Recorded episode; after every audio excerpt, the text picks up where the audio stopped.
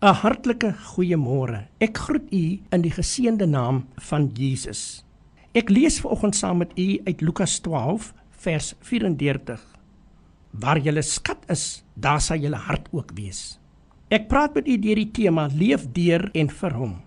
Maak jou deelname aan jou Skepper se meestersplan vas.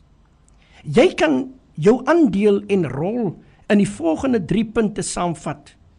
Neem 'n onvoorwaardelike besluit dat jy deel wil wees van jou Skepper se plan vir jou lewe.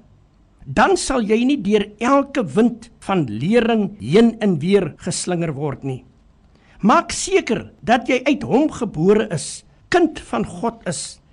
Net hulle wat uit hom gebore is, is oorwinnaars. Uit vlees is ons gebore, maar ook uit gees. Maar aan almal wat hom aangeneem het, die wat in hom glo, het hy die reg gegee om kinders van God genoem te word. Hulle is dit nie van nature nie deur die besluit van 'n man nie, maar hulle is uit God gebore. Johannes 1:12 en 13. Deur hierdie persoonlike keuse word ons ambassadeurs van die koninkryk en heers dan op aarde, soos wat die opdrag aan Adam was. Aanvaar geestelike verantwoordelikheid vir jou gesag in Christus daar waar jy geplant is.